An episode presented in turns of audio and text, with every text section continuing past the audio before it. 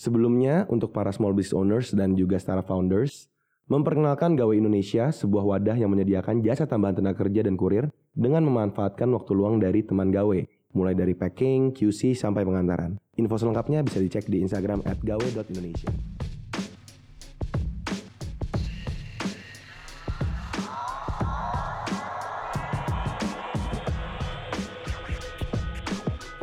Uh, actually hospitality itu bagian bagian paling penting ya dari suatu bisnis coffee shop karena actually itu core-nya. Maksudnya hmm, keinginan kita untuk melayani itu yang bentuk sebuah coffee shop. Jadi actually kayak hospitality is the core, tapi kayak coffee, coffee shop, the place itu the media of hospitality gitu.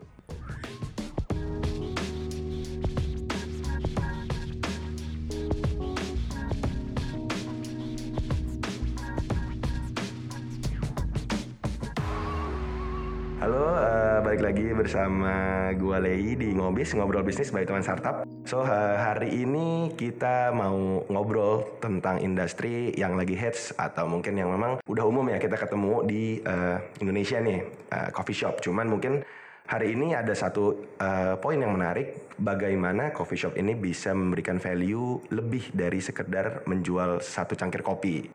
Nah, uh, kebetulan juga hari ini kita udah berkesempatan untuk uh, ngobrol sama seorang founder atau pemilik dari coffee shop. Boleh kenalin diri kok namanya siapa, kok di coffee shopnya apa, dan mungkin perkenalan diri dan perkenalan dari coffee shopnya kali. Oke, okay, thank you for the invitation. Salam kenal uh, pendengar teman startup, gua Dave, salah satu co-foundernya Trifox. Dulu barista, uh, tapi sekarang gue megang CEO dan marketing di Trifox. Itu kalau Trifox sendiri itu sebenarnya kita ice cream and coffee company. Uh, we are created to inspire young folks through ice cream and coffee. Gitu. Visinya terlalu panjang ya, Agak terlalu jauh nih. Kayaknya lu belum nanya, gue udah jawab duluan. Gak apa-apa, kok boleh kok. Oke, okay, visinya okay. tuh apa sih dari Trifox gitu? Oke, okay, visinya sih tadi kita mau inspire young folks through ice cream and coffee. Itu tuh ketemu dari ini ya, dari ngeliat background kita bertiga yang gimana kita bertiga itu tiga different personalities, hmm. benar-benar punya idealisme yang berbeda-beda juga, tapi bisa disatuin sama uh, cafe and ice cream gitu. Okay. Dan um, actually we found that ice cream and cafe itu punya punya power to unite people hmm. and and bring creativity to to the team gitu. Uh, that's why kita juga mau lewat bisnis kita lewat bisnis Trifox tuh pengen ngajak anak-anak muda juga untuk bisa uh, achieve their dreams, do their best in life gitu. Oke, uh, mungkin gue sendiri juga berapa kali lah kok main ke Three Folks gitu. Dan gue pun sebelum gue main pun gue jadi tahu nih kalau gue boleh tebak, eh bukan tebak, gue boleh lihat gue tuh sempat lihat uh, ada pajangan di Three Folks itu menceritakan tentang background uh, founders ada tiga. Ya benar nggak? Ada yep, karikatur yep. ya. Itu yeah, buat yeah. anniversary keberapa kalau nggak salah ya? Kedua itu. Kedua ya. Uh -huh. Sekarang berapa kok? Februari ini keempat. Keempat ya. Yep. Jadi uh, ini satu menarik. Jadi di coffee shop itu ada satu apa, figura ya, kayak, mm -hmm. mungkin gambar karikatur itu menceritakan lah. Mungkin Trifox ini tadi seperti yang udah dijelasin di awal. Kok Dave nih, kok Dave dari background coffee berarti ya kok ya. Yep. Coffee terus ada um, kok Cuncun nama aslinya siapa? Kuncoro. oh iya Kuncoro. Okay. Namanya sangar tapi panggilannya Cuncun. Oke oke. Ya dengan background ice cream berarti ya kok ya. Dia graphic design dan ice cream maker. Graphic, uh, dan sama satu lagi satu uh, lagi Naradipa. Mm, Betul. Dia coffee roaster dulunya. Oke. Okay. Jadi bagaimana dari uh, ice cream dan coffee ini terbentuklah Three Folks. Yep. Oke. Okay. Uh, Sebenarnya satu hal yang tadi udah sempat diomongin juga di awal Uh, mungkin gue cerita dikit kali ya kok ya. Uh, mm-hmm. Gue juga sebenarnya kita belum pernah kenal. Iya. Yeah. so itu belum pernah kenal, tapi gue merasa kayak sejujurnya gue bukan uh, orang yang sangat mencinta kopi gitu. Mm-hmm. Gue gak bukan yang kayak oh gue tahu ini uh, suhunya berapa, gue nggak tahu ini bijinya biji mana, gue nggak tahu gitu. Mm-hmm. Gue hanya orang yang sering nongkrong di coffee shop yang menurut gue nyaman gitu. Dan kebetulan mungkin mungkin nggak cuma gue ya pak ya. Jadi mungkin kalau di sekarang di industri coffee shop ini mungkin ada target market juga yang memang hanya menggunakan atau ingin ambience coffee shop gitu. Walaupun mm -hmm. pesennya ternyata leci iced tea gitu kan yep, benar sekali. Benar ya? Oke. Okay. nah uh, gue merasakan ketika gue ke uh, Three Folks gitu. Ini salah satu coffee shop yang mungkin memang daerah kita. Mm -hmm. terus gue merasakan ada suatu hal yang gue jadi ngerasa nyaman gitu. Jadi uh, mungkin gue cerita sedikit, gue pas datang waktu itu habis potong rambut, habis itu gue datang ke Three Folks, terus gue mungkin ngobrol lah atau disambut merasa nyaman karena salah satu staff. Hmm. Bukan bukan staff kali kok ya itu udah ini ya. Apa? bos besar itu kayaknya tuh di Trifox tuh. Tukang pukul lah ya. Iya, tukang pukul Trifox tuh ada ya. Jadi John, John ini say hi, ngobrol kita dari cuman dari numpang duduk, akhirnya kita ngabisin waktu sampai tiga jam. Itu baru hmm. pertama kali kenal kok. Buset. Jadi uh, kita ngobrol tuh waktu itu pertama kali topiknya cuman dari potong rambut PSBB bisa sampai ngomongin HR di dalam hmm. Trifox. Oke. Okay. Dia kasih tau kok semua gaji-gajinya kok. Wah, oh enggak enggak. pinkan pinkan bercanda enggak enggak. Jadi uh, kita ngomongin HR segala macam karena kebetulan kan John juga agak make bantu di situ ya kok ya. hmm Jadi terus uh, ada satu chemistry atau experience ketika satu gelas kopi yang gue beli itu sangat worth it untuk gue bayar. Itu yang gue hmm rasakan saat itu. Dari satu gelas kopi gue bisa mendapatkan uh, koneksi, pertemanan, bahkan mungkin uh, pengetahuan gitu. Mm-hmm. Nah, ini yang pengen gue bahas sih kok kayak gimana sih maksudnya kalau kita ngomong sekarang coffee shop dari coffee to go sampai coffee shop sangat banyak kali ya. Mm-hmm. Kayak kalau Indomaret, Alfamart itu berapa ratus meter ada coffee shop pun sama gitu. Mm-hmm. Nah, gimana sih uh, Three Folks ini kalau dari cerita John dari yang gue rasakan pun uh, bisa menonjolkan value tadi yaitu uh, mungkin kita bilangnya keramah tamahan terus mm -hmm. uh, kita ngomong hospitality gitu. Kalau menurut Kodev sendiri nih kayak seberapa penting sih hospitality atau keramah tamahan yang ada dalam Three Folks atau yang perlu ada di suatu coffee shop gitu. Kayak mm -hmm. definisinya mungkin apa dan kenapa itu penting gitu kok. Oke. Okay. Uh, eh, actually hospitality itu bagian bagian paling penting ya dari suatu bisnis coffee shop karena actually itu core-nya. Maksudnya hmm, keinginan kita untuk melayani itu yang bentuk sebuah coffee shop. Jadi actually kayak hospitality is the core, tapi kayak coffee, coffee shop, the place itu the media of hospitality gitu. Kalau bisa ditanya uh, deskripsinya apa sih menurut menurut gua hospitality itu ke, ketulusan untuk melayani gitu. Uh, dan gimana maksudnya tadi gue dengar lu bisa ngomong kayak gitu tentang Trevox gue senang banget sih kayak berarti gue hire the right the right person and gue treat him treat him well sampai dia bisa dia bisa kayak gitu gitu mm-hmm. sampai maksudnya dia deliver more than just a coffee tapi dia juga bisa jadi temen lo dan actually that's should be every goal of every coffee shop gitu menurut gue. Oke. Okay. Uh, eh, mungkin kita akhirnya sekarang kita spesifik ke uh, industri tadi kau sempat ngomong kayak every coffee shop emang harus melakukan itu gitu. Hmm. Tapi sebenarnya kok um, oke okay nih kita bilang kayak hospitality ini melayani gitu. Kenapa sih bisa dibilang kayak sepenting itu di coffee shop? Apakah di industri lain yang kayak misalnya let's say kita bilang uh, restoran atau misalnya jual ayam geprek atau mungkin toko listrik gitu. Semua memang hmm. butuh kok. Semua butuh pelayanan yang baik gitu. Cuman uh, boleh nggak sih kayak di share lagi buat mungkin founders yang teman-teman yang punya coffee shop ini bisa lebih memahami tentang hospitality itu more than just you sell the product itself gitu. Mm-hmm. Uh, mungkin gini ya pemahaman itu hospitality actually harus dimiliki sama semua bisnis menurut gua. Uh, hospitality, empati itu kan dasar-dasar kita gimana caranya bisa ngasih apa yang orang butuhin, hmm. tahu apa yang orang butuhin dan deliver the the right way gitu kan. Uh, tapi mungkin ada perbedaan di coffee shop yang berbeda dengan bisnis lain karena itu tuh bisa bisa jadi senjata utama kita gitu. Uh, our main core business tuh emang hospitality. Dan bedanya sama industri lain ya, menurut gua itu kalau di coffee shop ada di bagian ini sih uh, kebebasan berekspresinya sama effort untuk menjalin relasi secara personal gitu.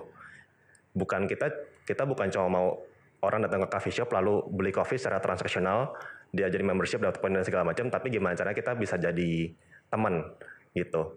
Um, gue nggak tahu ini apakah pemahaman yang umum di semua coffee shop, tapi menurut gue kurang lebih sama gitu. Mereka pengen tamu itu datang, orang itu datang sebagai tamu gitu. Tapi pulang tuh bisa jadi teman gitu. Itu yang kita selalu terapin di Trifox gitu. Kayak gua kok. Oh iya.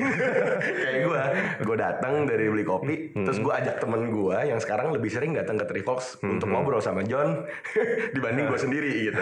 Kadang dia sampai video call kok tengah malam kok. Hah? enggak enggak. Kaget.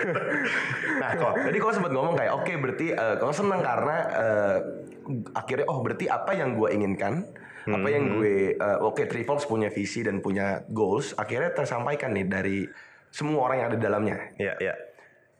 apa emang ada gitu kok kayak apa sih yang dilakukan mungkin let's say manajemen tim ini untuk ayo kita turunkan itu semua. Apakah kayak oke ada trainingnya atau ada kelasnya atau gimana cara menurunkan ide dari founders? Karena kan kadang-kadang sebagai si CEO sebagai CEO sebagai founder sebagai direksi pengen nih semua tahu ke, semuanya butuh kayak gitu gitu.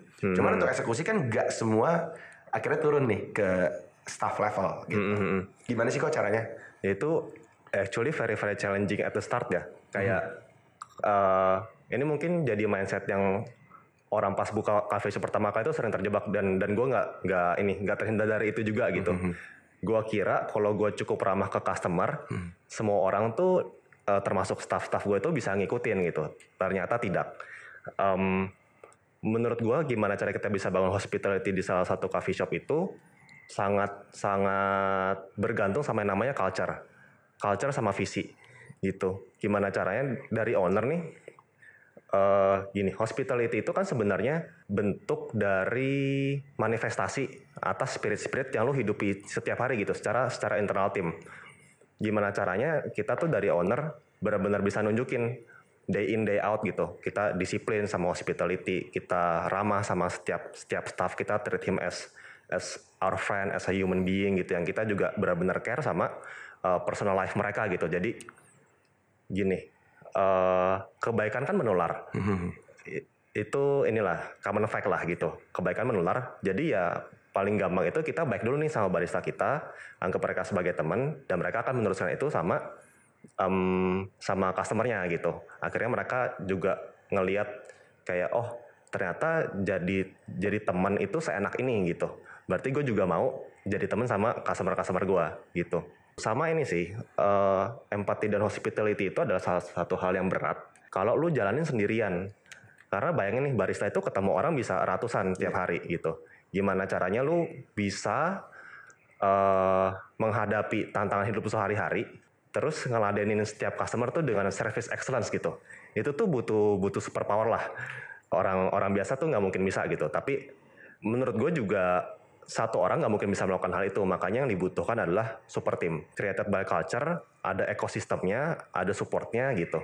Emang ada eh, sistem-sistem untuk kita bisa keep that culture gitu. Celebrating eh, achievements, terus kita evaluasi, kita marahin, kita educate gitu. Itulah kayak hal-hal kecil yang akhirnya bisa ke translate ke service gitu. Oke. Memang ada eh, training gitu, ada SOP-nya lah, harus ngomong halo selamat pagi, kopinya kayak gini eh, dan segala macam. Tapi itu tuh sebenarnya menurut gua nggak sustain.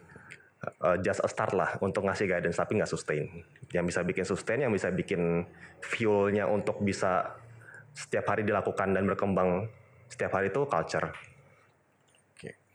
Dan kalau ngomongin culture nih, kok gue tahu sedikit kali ya, nih dari obrolan gitu. Eh, gimana gimana? Gak usah ngomong ke customer dulu deh gitu. Kayak kalau yang gue tangkap adalah eh, yang dibawa oleh para co-founders ini sendiri ke dalam tim tuh juga sudah fraternity gitu. Maksudnya sudah udah se, se- culture-nya memang sudah terbentuk dari internal tim. Hmm, hmm. Bahkan kalau gue yang gue tahu kayak kalian sering nongkrong ngobrol ya di setelah mungkin tutup gitu ya. Kayak- yap. ya ak- maksudnya ada timbul uh, hubungan gak cuman kita kerja gitu. Tapi satu hal yang uh, mungkin ini jadi tantangan nih kok. Ketika mungkin kita ngomong let's say Gen Z atau Gen Y ini ketika tidak uh, ketika mau memiliki hubungan sama coworkers yang dekat akhirnya tidak ada profesional. Hmm. jadi mungkin lebih nggak enakan, nggak berani menegur gitu. Tapi yang gue lihat dari Three Folks, gue sotoy banget deh. yang gue lihat, yang gue lihat, yang gue tahu, yang gue tahu kayak, oke temen, oke baik, ada ada ada hubungan yang memang melebihi coworker, tapi tetap ada respect yang ada dalam tim. Itu Betul, yang gue sadari. Aha. Bahkan let's say kayak misalnya gini, Folks itu kan kayak umurnya juga nggak deket ada yang jauh juga kan. Maksudnya yang kayak anak-anak bawah juga banyak yang baru masuk. Ya. yang gue tahu banyak anak-anak sekolah Sekolah hospitality. Ah, sekolah hospitality eh, magang gitu. Banyak bahkan yang ada yang masih kuliah gitu. Tapi kan eh, yang gue lihat ya gitu kalau kerja kerja. Kalau lagi serius serius. Kalau lagi tegur tegur gitu. Cuman tetap ada hubungan yang erat di dalam gitu. Ya, dan ya. akhirnya yang gue lihat ini tertumpah juga ke eh, customer. Bahkan kayak yang tadi gue sebut gitu gue baru datang sekali sekarang gue bisa sebut nama-nama yang bahkan gue bisa tahu John gue tahu Tama gitu gue tahu Febri gitu. Yang mungkin dia juga ya mungkin gue cuman hanya just one customer aja yang ada di uh, Trifolks tapi gue bisa merasa gue senang ketika ke Trifolks gitu. Hmm, nah uh, mungkin dari tadi kita ngomong hospitality kayak gak jelas gitu. Uh, realnya real case-nya kayak sebenarnya yang kalian ngomongin yang kita omongin nih gimana sih turunan ak- activities yang ada gitu. Mungkin kita uh, move on to next part kayak misalnya gini kok kayak ketika gue datang anggaplah gue customer gitu. Gue datang ke suatu eh, su- ke suatu coffee shop dengan tujuan gue sendiri. Misalnya let's say gue pengen nongkrong atau gue pengen ya cuman buka laptop dan ya kerja kerja gitu deh kerja kerja cantik gitu. Tapi kan yang gue harus lewatin adalah mungkin let's say gue datang dari parkir kok. Hmm, ketika gue lihat parkiran penuh, gue lihat parkiran susah, itu udah jadi suatu alasan yang kayak, aduh mager deh gue ke sini gitu. Satu, setelah gue dari dari pintu masuk, gue masuk ke dalam, terus gue nggak tahu nih antrian di mana. Kondisi juga gue nggak tahu pesennya di bar yang sebelah kiri atau sebelah kanan. Itu gue udah males gitu kayak, ini kok gue nggak dilayani, let's say kayak gitu gitu. Sampai gue duduk mungkin ada yang kopinya ada yang kopinya bisa diantar ada yang enggak habis di itu kan suatu customer journey lah let's say kayak gitu. Boleh nggak sih kok kayak maksudnya sebenarnya kalau dari customer yang ada di Trifolks gitu journey tadi secara real gimana caranya kayak Trifolks bisa memperhatikan setiap journey tadi dan menurunkan fraternity yang ada gitu sorry bukan fraternity hospitality yang ada sama customer gitu Oke, itu agak lebih meluas ya jadinya. karena tapi it's a good question karena hospitality itu emang nggak cuma ditunjukin lewat uh, kita ramah ke customer, tapi gimana caranya kita bisa set up the cafe itu dari lokasi, dari interior, uh, dari kemudahan akses itu udah memberikan hospitality gitu, memberikan kemudahan. Uh, good point juga untuk masalah parkir. Emang idealnya itu gini, coffee shop itu harus bisa relieve every customer pain lah pas dia datang. Bukannya ngasih extra pain gitu kan kayak gue udah suntuk banget mau ke coffee shop ah nyampe coffee shop gak dapat parkir. Itu kan malah extra pain disambut dengan extra pain di awal kan gitu. Makanya eh, idealnya memang kita harus nyari tempat itu juga udah memberikan hawa-hawa hospitality gitu. Cuman di Jakarta nggak mudah oke gitu itu eh, fakta yang kita harus bisa hadapin gitu. Nah oke misalnya kita nggak dapet eh, lokasi yang yang tempat parkirnya tuh ramah gitu. Berarti kita harus ada extra effort di bagian-bagian lainnya. Gitu. Em, ini mungkin gue runtutin dari awal aja ya customer journey-nya yang kita coba atur di Trifox at least pas mereka baru masuk pintu itu eh, cafe itu harus bersih itu udah inilah. Wajib ya. Eh, iya every role di, di inilah customer service business gitu. Terus interior bagus eh, jelas menunya ada di mana. Itu basic lah very very basic. Em, oh iya yang suka kita lupa tuh eh, ngatur eh, bau di cafe gitu. Waktu itu tuh kita punya cafe di Aries dan Bintaro. Itu either salah setting atau kita nggak terlalu perhatiin sama pembuangan-pembuangannya pas customer masuk pertama kali itu baunya bau minyak goreng gitu kayak itu tuh benar-benar merusak segalanya karena internet kita udah bagus, kita ada very very welcoming, orang datang disapa sama baristanya senyum gitu kan. Eh, tapi bau minyak goreng gitu, padahal orangnya mau ngopi, itu kan bete banget tuh, Iya. gitu. Eh, sama yang paling penting yang tadi barusan gue sebut juga, ini actually lebih penting daripada apa pun menurut gue as a first impression itu begitu lu masuk itu lu langsung disapa atau lu di acknowledge kalau lu tuh udah datang itu Em, karena istilahnya masuk ke coffee shop kan sebenarnya bukan masuk ke restoran atau masuk ke kantor. Kita tuh selalu selalu nganggapnya masuk coffee shop itu masuk ke rumah teman gitu. Jadi kayak santai aja gitu kalau datang kita langsung Wey bro, hai gitu kan bisa tos-tosan dan segala macam gitu. Bahkan ini sangat penting bahkan kita bisa mengorbankan customer yang kita lagi ajak ngobrol karena mereka lagi transaksi untuk nyapa customer yang baru datang meskipun cuma sekedar kontak mata gitu. Sepenting itu first impression. Kayak mereka datang terus bisa langsung bisa langsung mikir di otak mereka di alam bahasa mereka, oh gue sampai rumah gitu. Terus kita lanjut ke customer journey yang ketiga itu pas mereka mesen. Pas mereka mesen, ini quite tricky karena kita harus scanning dulu. Kayak every customer tuh nggak bisa di treat treat sama gitu.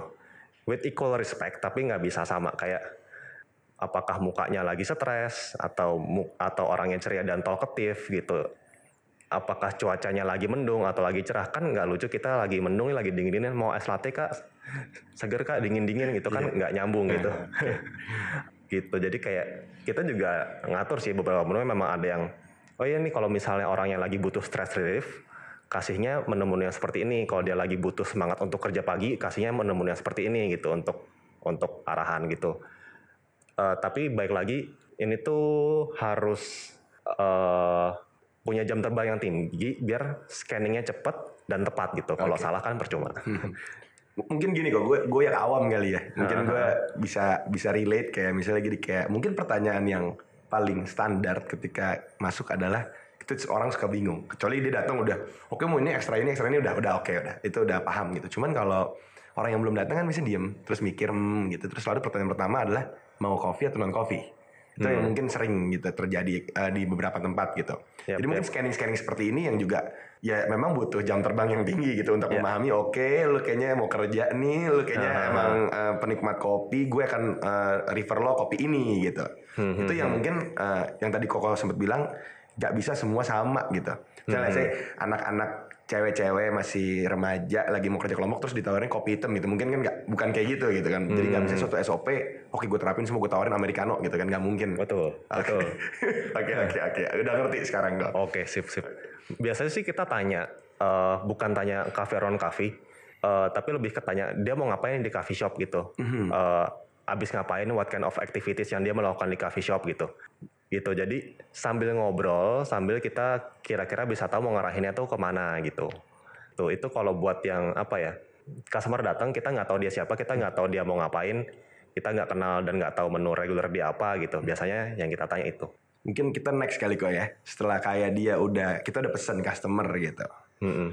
terus kalau di Trifox tuh apa sih nextnya? Uh, ini ya pas kita jelasin menu. Mm-hmm. Misalnya kan customer nanya nih, oh ini menunya apa mas? Uh, yang harus dikuasain tuh pertama kali menunya apa, dia tuh enak dinikmatin pas apa, sama lu harus yakin kalau menunya tuh enak gitu. Uh, kita pernah pernah bikin ini salah salah kita sebagai owner juga okay. sih kita bikin menu tapi kita sendiri nggak yakin kalau menunya enak. Oke. Okay. Akhirnya menurun ke baristanya. Itu tuh penjelasannya nggak enak banget deh. Kayak enak sih, tapi menurut saya agak manis kan itu nggak menjual banget ya gitu. Iya iya oke gitu. kayak bener bener bener. Kayak ya lumayan sih, tapi yang ini enak juga kok gitu. gak, gak, ya jualan tapi nggak yakin. Iya jualan tapi kok ragu-ragu nih. uh, beda banget kalau dia yakin sama menunya gitu. Bahkan different differentnya tuh bisa jauh banget gitu. Lo bisa ngobrol ke customer, lo bisa ngejelasin menunya itu enak dinikmatin pas kapan dan lu bisa bisa punya keberanian punya punya confidence gitu untuk untuk bercanda sama customernya gitu. Kayak bahkan lu bisa pede untuk insert tag keywords gitu kayak ya kak ini butterscotch latte kita creamy dan bikin happy gitu kan. Kalau lu tulis kan itu jijibat kan kata-katanya. Tapi actually a fun words yang bisa bikin lu temenan sama customer hmm, dan sekaligus memasarkan produk lu dengan sangat baik gitu. Gitu. Ada punchline-nya berarti. Ada punchline-nya. Punchline nah, itu okay, ini sih, menurut gue tuh uh, best hospitality sih, yang kayak gitu-gitu, yang kayak bisa random bisa out of the box, hmm. bisa happy banget gitu. Dan ini nggak ada SOP-nya kayaknya kok. Nggak ada, nggak ada. emang ya, emang balik lagi ke mereka dan gimana mereka eksekusi gitu. Yo, iya. Sekarang kalau kita bilang misalnya, oke okay, SOP-nya kalau lo tawarin butter creamy tapi bisa bikin happy kan, uh. ya kalau orang yang nggak menyampaikan dengan baik juga uh. aneh gitu aneh katanya. Gitu, ya. Apaan sih Memang butuh butuh jam terbang tadi kayak. Betul betul. Okay, okay. Uh. Terus kalau boleh lanjut kali kita ke setelah mereka udah pesen nih kita dapat kopi berarti kan kopi ada yang diantar ada yang mm -hmm. ada yang ditunggu gitu yep. oke okay.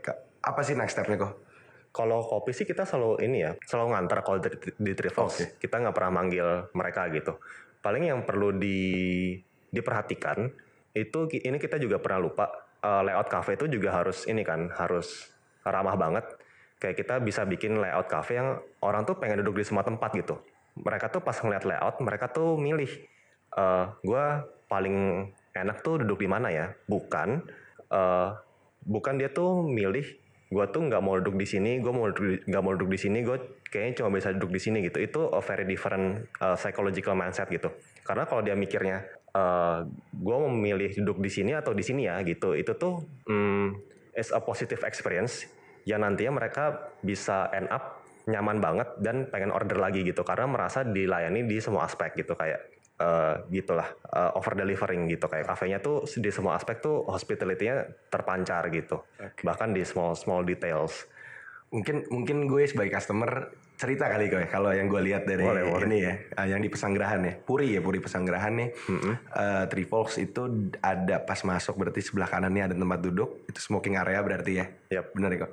Terus di luar itu di kalau masuk sebelah kanan dan kalau lurus itu ada kayak mungkin kita bilang kayak semi outdoor kali ya.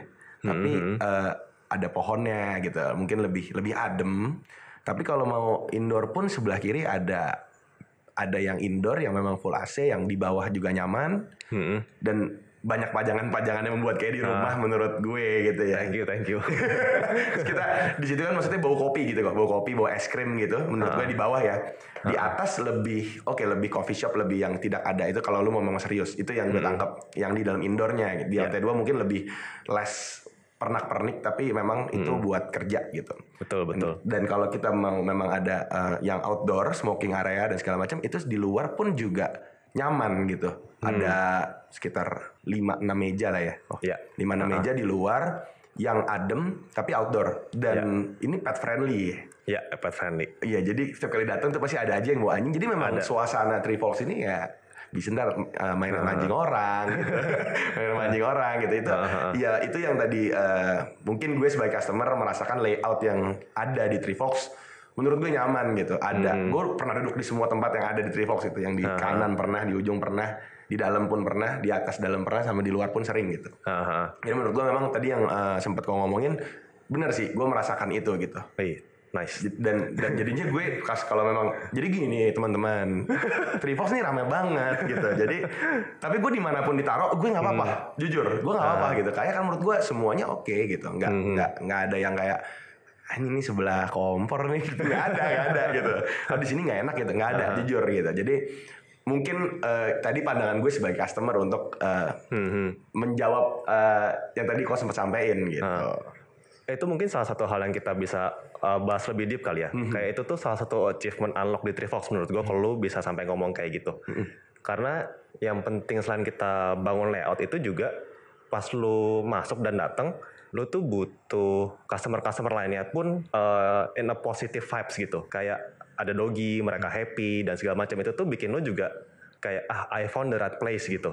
Begitu datang. Kalau mau produktif lu bisa berkumpul dengan orang-orang produktif dan tertular productivity-nya gitu kan, productivity vibes-nya gitu. Kalau mau santuy di depan, lu bisa nongkrong di depan, lu bisa nguping-nguping orang lagi meeting apa, get all kinds of information, bisa temenan juga sekalian gitu. Itu eh, menurut gue semua coffee shop tuh harus bisa kayak gitu, baru dia tuh berdampak gitu. Dan gue senang banget lu bisa menyampaikan hal yang gue harapkan gitu. tapi tapi gitu gue baru ngeh juga kok pas lu ngomong gitu gue baru sadar iya ya Trifox lantai dua yang indoor itu auranya serius gitu. Maksud gue itu orang yang kerja gitu yang ngedesain betul. gitu loh. Tapi kalau lu mau yang agak sedikit bercanda tuh lantai satu gitu atau lantai luar gitu yang di atas gitu. Memang ya itu yang gue rasain bener juga yang tadi tadi. Kalau sempat ngomongin oh berarti gue ngerasakan hal yang memang sudah lu pikirkan gitu. Oke. Boleh kok kita lanjut ke customer journey selanjutnya. Setelah Oke. eh, mungkin waktu yang dihabiskan dengan kopi yang sudah ada dan tempat yang sudah disediakan gitu. Kalau itu sih kita nggak pernah ini ya, nggak pernah kasih treatment khusus ya. Maksudnya mereka minum ya enjoy aja gitu. Paling eh, diferensiasinya cuma pas kita nganter. Ke Pas kita nganter tuh kita coba selalu jelasin misalnya kalau ada, misal kopi ya, kayak eh, kopi kita kan juga specialty dan kita kurasi banget gitu. Dan eh, actually yang tadi gue sebut di awal kita mau inspiring people through coffee itu juga karena memang coffee itu eh, as an item itu punya banyak punya banyak apa ya punya banyak hal-hal yang menarik yang kalau diceritain tuh lu bisa mikir wah keren juga ya nih kopi bisa kayak gini gitu. Makanya kayak mungkin kalau pernah notice juga kita kalau ngirim misalnya ngirim cappuccino itu kita nggak cuma ngirim cappuccino tapi kita juga coba jelasin taste notes dari itu apa kita pakai kopinya hari itu apa gitu.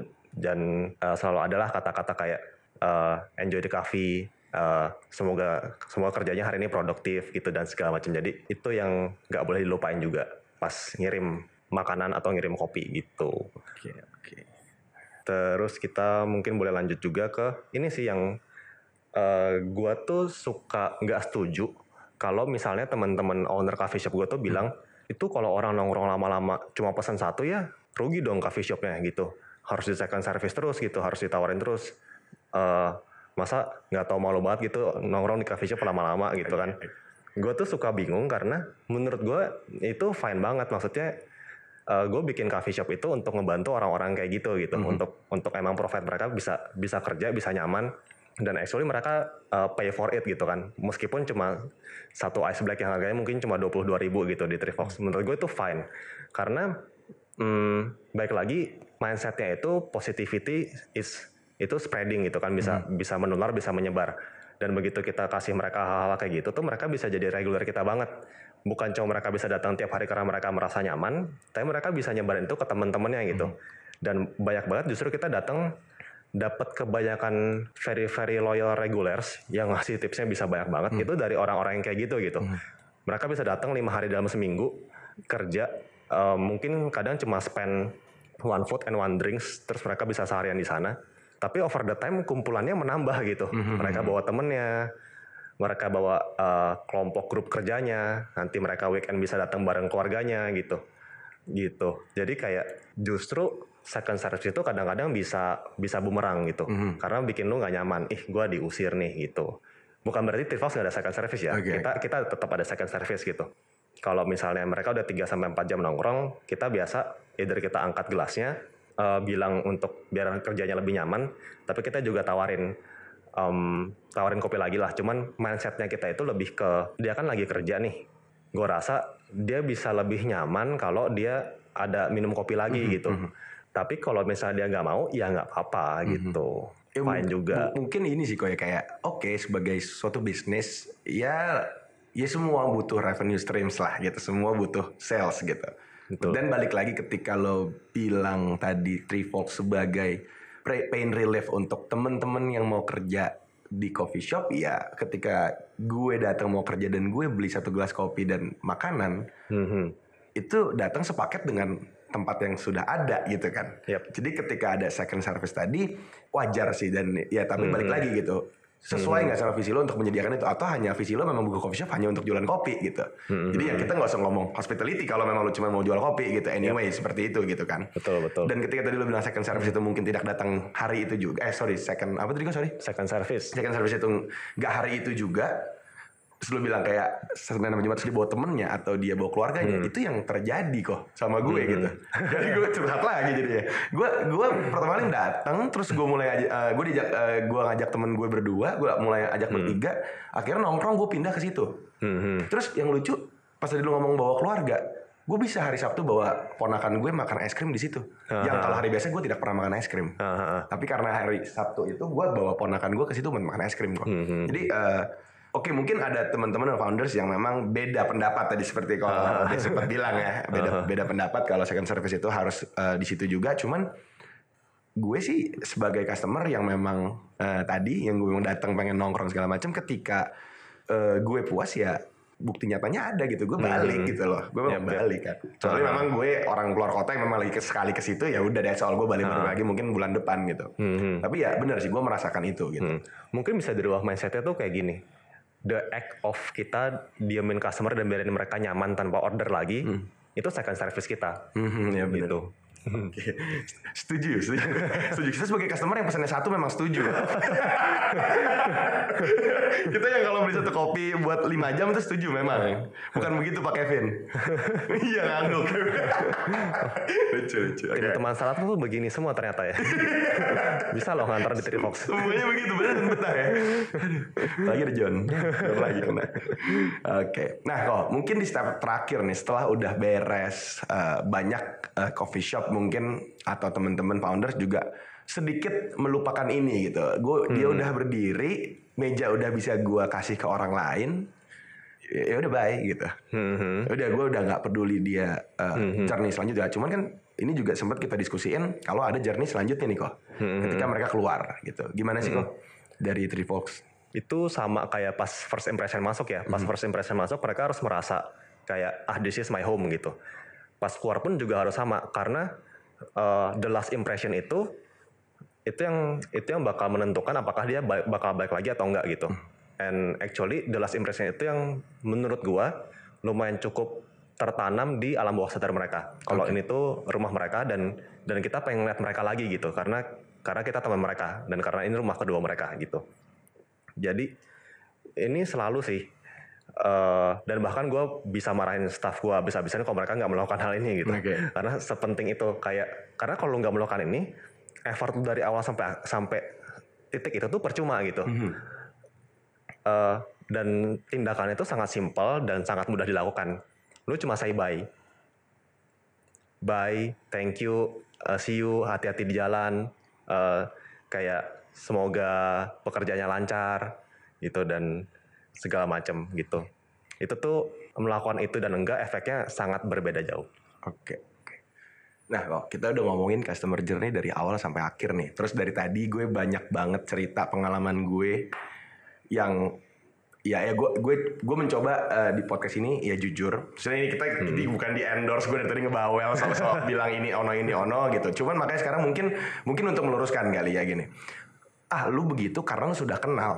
Oh, lu, lu tuh dari tadi ngebawel nih bilang lu katanya nyaman, lu kenal, lu dilayanin baik. Itu karena lu udah kenal. Nah, sekarang mun- mungkin untuk meluruskan lagi nih kok. Ini ini kita podcast kan kita memang approach lagi. Kode juga kita baru ketemu hari ini. Aha. Terus kita baru ngobrol juga hari ini. Nah, kok pasti ada nih yang berpikir kayak kayak yang tadi gitu. Karena lu udah kenal gitu. Nah, sekarang kalau boleh tahu nih kayak yang gue rasakan tadi nih, yang tadi gue rasakan di Sapa ketika pulang gue mungkin bisa tos-tosan, gue mesti bercanda gitu. Ini ada nggak sih kok kayak special case, misalnya kayak customer seperti gue yang sudah pernah datang sebelumnya atau regular customer yang mendapat perlakuan khusus nih, Hmm. Atau misalnya kayak kalau memang dia baru pertama kali, oke tahu batas atau gimana nih kok. Jadi banyak juga nih yang pikir kan, oke ini regular customer mungkin bahkan malah gue nggak nggak perlu melakukan say hi yang baku, atau mungkin bahkan pas pulang gue bilang jangan lu jangan pulang dulu gitu. Itu gimana pendapat lu kok gitu? Menurut gue pasti ada. Maksudnya perlakuan khusus pasti ada, tapi bukan dalam bentuk special privilege ya. Cuman dalam bentuk kita bisa kasih lo better service karena kita kenal lo gitu. Karena begitu lo datang, gue bisa nyapa lo pakai nama, hai Lai gitu kan. Ya nggak mungkin gue bisa tahu nama lo. Itu kan gimana caranya gitu. Oke. Dan gue bisa kasih kayak misalnya gimana hari ini mau ice break lagi gitu. itu kan lu berasa banget datang ke rumah kan. Itu bukan service yang kita bisa kasih ke orang yang pertama kali datang karena kita tahu mereka aja nggak gitu. Lebih ke kayak gitu sih. Tapi special privilege kita nggak pernah lakuin gitu. Kayak misalnya eh, wah Kevin datang nih, terus nggak ada tempat, ya udah gue usir customer biar Kevin bisa duduk gitu. Itu nggak pernah lah dilakuin. Terus misalnya mereka butuh mau air putih gratis gitu, ya nggak boleh juga gitu. ya ya setuju setuju. Emang nggak pernah dikasih kok. gue emang nggak pernah dikasih emang. Bener bener bener. Oke. Valid valid valid. Berarti infonya valid bener. Oke oke. gitu itu tapi itu yang bahaya sih karena em, gampang banget kalau udah kalau udah santuy jadi temen tuh special privilege tuh ya bukan kayak hal yang salah untuk dilakukan gitu. Kayak ya lu temen gue pasti gue gue kasih special treatment gitu. Itu rasanya tuh lumrah gitu kayak biasa aja gitu keluar dan terjadi. Tapi itu salah salah banget. Makanya harus ada boundariesnya yang emang ada rulesnya tuh harus tetap ada gitu biar bisa tetap temenan tapi profesional gitu. Treatment mungkin bisa beda, tapi memang ada standar yang bukan sebuah privilege yang sampai merugikan Trifolks atau merugikan customer lain begitu. Ini mungkin antara si antara eh, orang dan orang yang terjadi gitu memang dan tidak melibatkan pihak lain gitu. Privilege yang ada gitu ya kayak. Betul, betul. Oke. Nah, eh, kita udah ngomong nih kok dari tadi eh, banyak tentang eh, hospitality yang ada di Trifolks gitu. Nah, eh, mungkin kalau kita bisa sum up kok kayak kunci-kunci apa sih maksudnya kayak yang harus kita pegang sebagai misalnya let's say coffee shop owners atau eh, service apa pun lah gitu untuk dalam bidang hospitality ini, ini kuncinya apa sih? Menurut gua kalau bisa di sum up in one words, two words lah, itu smartly empathic. Kayak dalam melakukan hospitality itu pakai hati jelas harus karena itu yang bisa bikin lo pengen jadi teman dan dan bisa kasih service secara tulus. Tapi juga harus pakai otak Nah, gitu. oke. Nggak boleh cuma pakai salah satunya doang, harus pakai dua-duanya gitu. Kalau pakai hati doang biasanya nggak konsisten. eh, yang datang temen lo atau bukan, tergantung mood banget lo lagi happy atau enggak. Sama kalau pakai otak doang juga ya nggak asik gitu kan. Kayak ya lu bisa kasih service dengan sesuai SOP tapi berasa di service sama robot gitu. Oke. Sesuai dengan aturan, sesuai dengan protokolnya, sesuai dengan prosedurnya gitu, sesuai dengan resep gitu kan. Tapi nggak ada human connection-nya juga nggak nggak asik lah gitu. Gitu makanya harus pakai dua-duanya. Oke oke. Nah eh, terlebih dari itu ada nggak sih kayak pesan-pesan lagi yang mau ditambahkan nih sama Ko Dave untuk teman-teman yang tadi coffee shop owners atau eh, service provider lah atau apa pun lah gitu Hmm. yang bisa di share tentang hospitality ini gitu. Yang mau ditambahin gitu mungkin. Oke. Eh, menurut gua, menurut gua sih pesan yang paling penting tadi sempat gua mention di awal kalau build tim yang bisa menunjukkan hospitality dengan excellence itu susah banget. Makanya dia harus bikin super team lewat culture gitu. Eh, mungkin yang bisa gua share lagi itu ini sih kita tuh di as an organization tuh harus punya guidance yang jelas gitu. Kayak oke nih, lo mau eh, lo mau kita bisa service excellence tapi guidelines-nya apa gitu. Eh, kalau gua salah lu tahu dari mana, kalau gua bener lu bisa bisa taunya juga dari mana gitu. Kalau di Trifox tuh kita ada tiga tiga value lah yang kita pegang yang eh, ini value yang gue pelajari ya maksudnya yang menurut gue ini di Trifox itu bisa works dan mungkin di every cafe shop pun bisa works tapi baik lagi tergantung sama uh, owner dan visi misi mereka masing-masing. Kalau di kita itu ada ada hustle, Oke. curious, sama humble. Dan tiga hal itu harus berkesinambungan dilatih dan di nurture gitu sehari-hari. Jadi kayak hustle nih misalnya kerja keras kan. Dia tuh harus konsisten gitu, harus committed tiap hari day in day out harus uh, ngasih service yang sama gitu. Jangan sampai lu lagi putus cinta gitu terus servisnya galau-galau gitu kan. Oke. Apakah Anda mau kopi seperti rasa mantan saya gitu kan? Enggak enggak pro banget gitu. Iya iya iya. Oke oke. Kita sedih-sedih gitu brewingnya. Terus harus curious gitu. Selain konsisten dia juga harus persisten gitu. Kayak harus bisa mikir setiap hari gimana caranya bisa kasih uh, service yang lebih baik lagi. Bisa bisa kerja sama sama tim tuh lebih lancar lagi biar bisa uh, deliver service excellence yang lebih lagi setiap hari gitu. Nggak boleh puas. Oke. Sama yang ketiga dan terakhir itu humble. Harus rendah hati. Sejago apa pun, sepinter apa pun, kalau lu servisnya songong, itu percuma. Karena the pointnya itu service people dan uh, being their friends gitu. Kalau misalnya itu nggak tercapai, sepinter apa pun, tapi lu nggak punya good attitude yang mereka tuh bisa, semua orang tuh bisa terima, bisa have fun with it, itu percuma gitu. Gitu. Itu tiga poin yang gue selalu terapin di di Trifox dan selalu jadi bahan untuk briefing, uh, monthly evaluation, yearly evaluation gitu tuh selalu apakah kita udah menghidupi tiga value ini dengan dengan sangat baik gitu. Gitu, secara internal dan kita tunjukkan ke customer gimana gitu. Oke. Keren ya. Keren. Oke. Biasa aja lah. Biasa aja. Oke oke. Nah kok eh, mungkin dari tadi kita udah ngobrol tentang hospitality dan segala macem nih. Terus kayak mungkin eh, mungkin banyak founders yang denger ini mungkin juga lagi running a coffee shop atau mungkin dengan industri serupa gitu. Hmm. Mungkin ada nih kok yang nggak percaya dan mau membuktikannya langsung gitu. Hmm.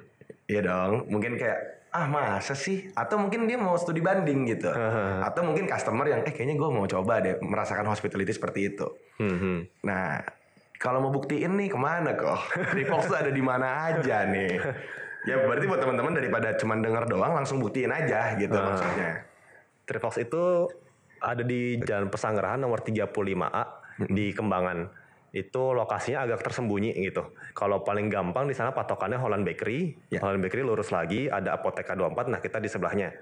Di sebelahnya itu tapi lu nggak bisa lihat Trifox langsung nih. Lu itu lihatnya barbershop, barbershop di bawah pohon. Di sebelahnya barbershop di bawah pohon itu ada gang masuk ke dalam.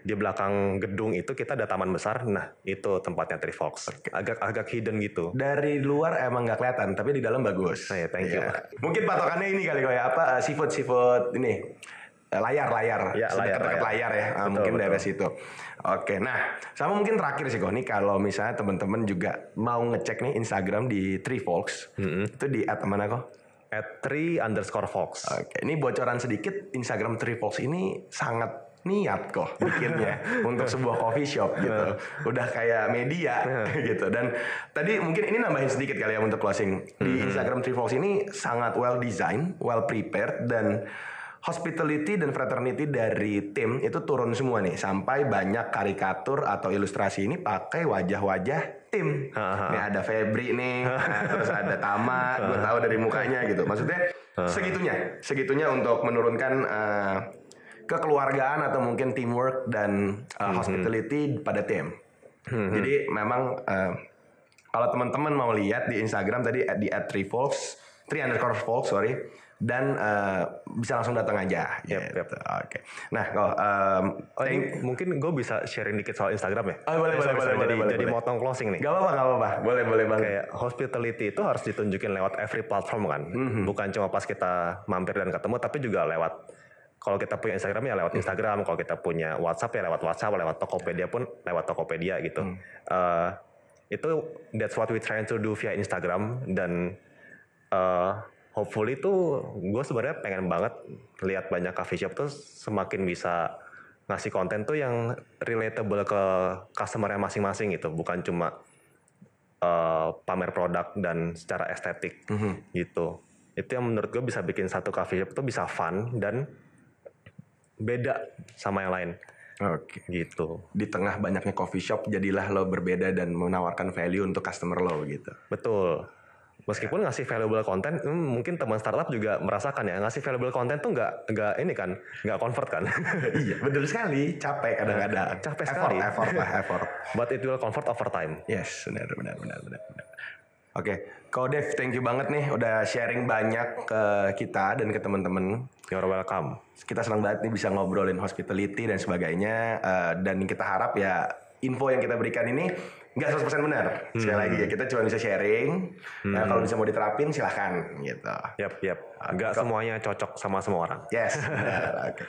Kau thank you banget. Mungkin uh, next time kalau boleh kesempatan lagi kita ngobrol-ngobrol hal lain. Sukses terus untuk Ko Dave, teman-teman, tim dan Folks ke depannya. Yoi. Thank you juga teman startup sukses terus podcastnya. Oke. Dan segala bisnis modelnya yang lagi di develop biar revenue streamnya makin canggih. Oh, Oke. Oke, thank you, thank you. Kita ketemu lagi di podcast selanjutnya. Bye.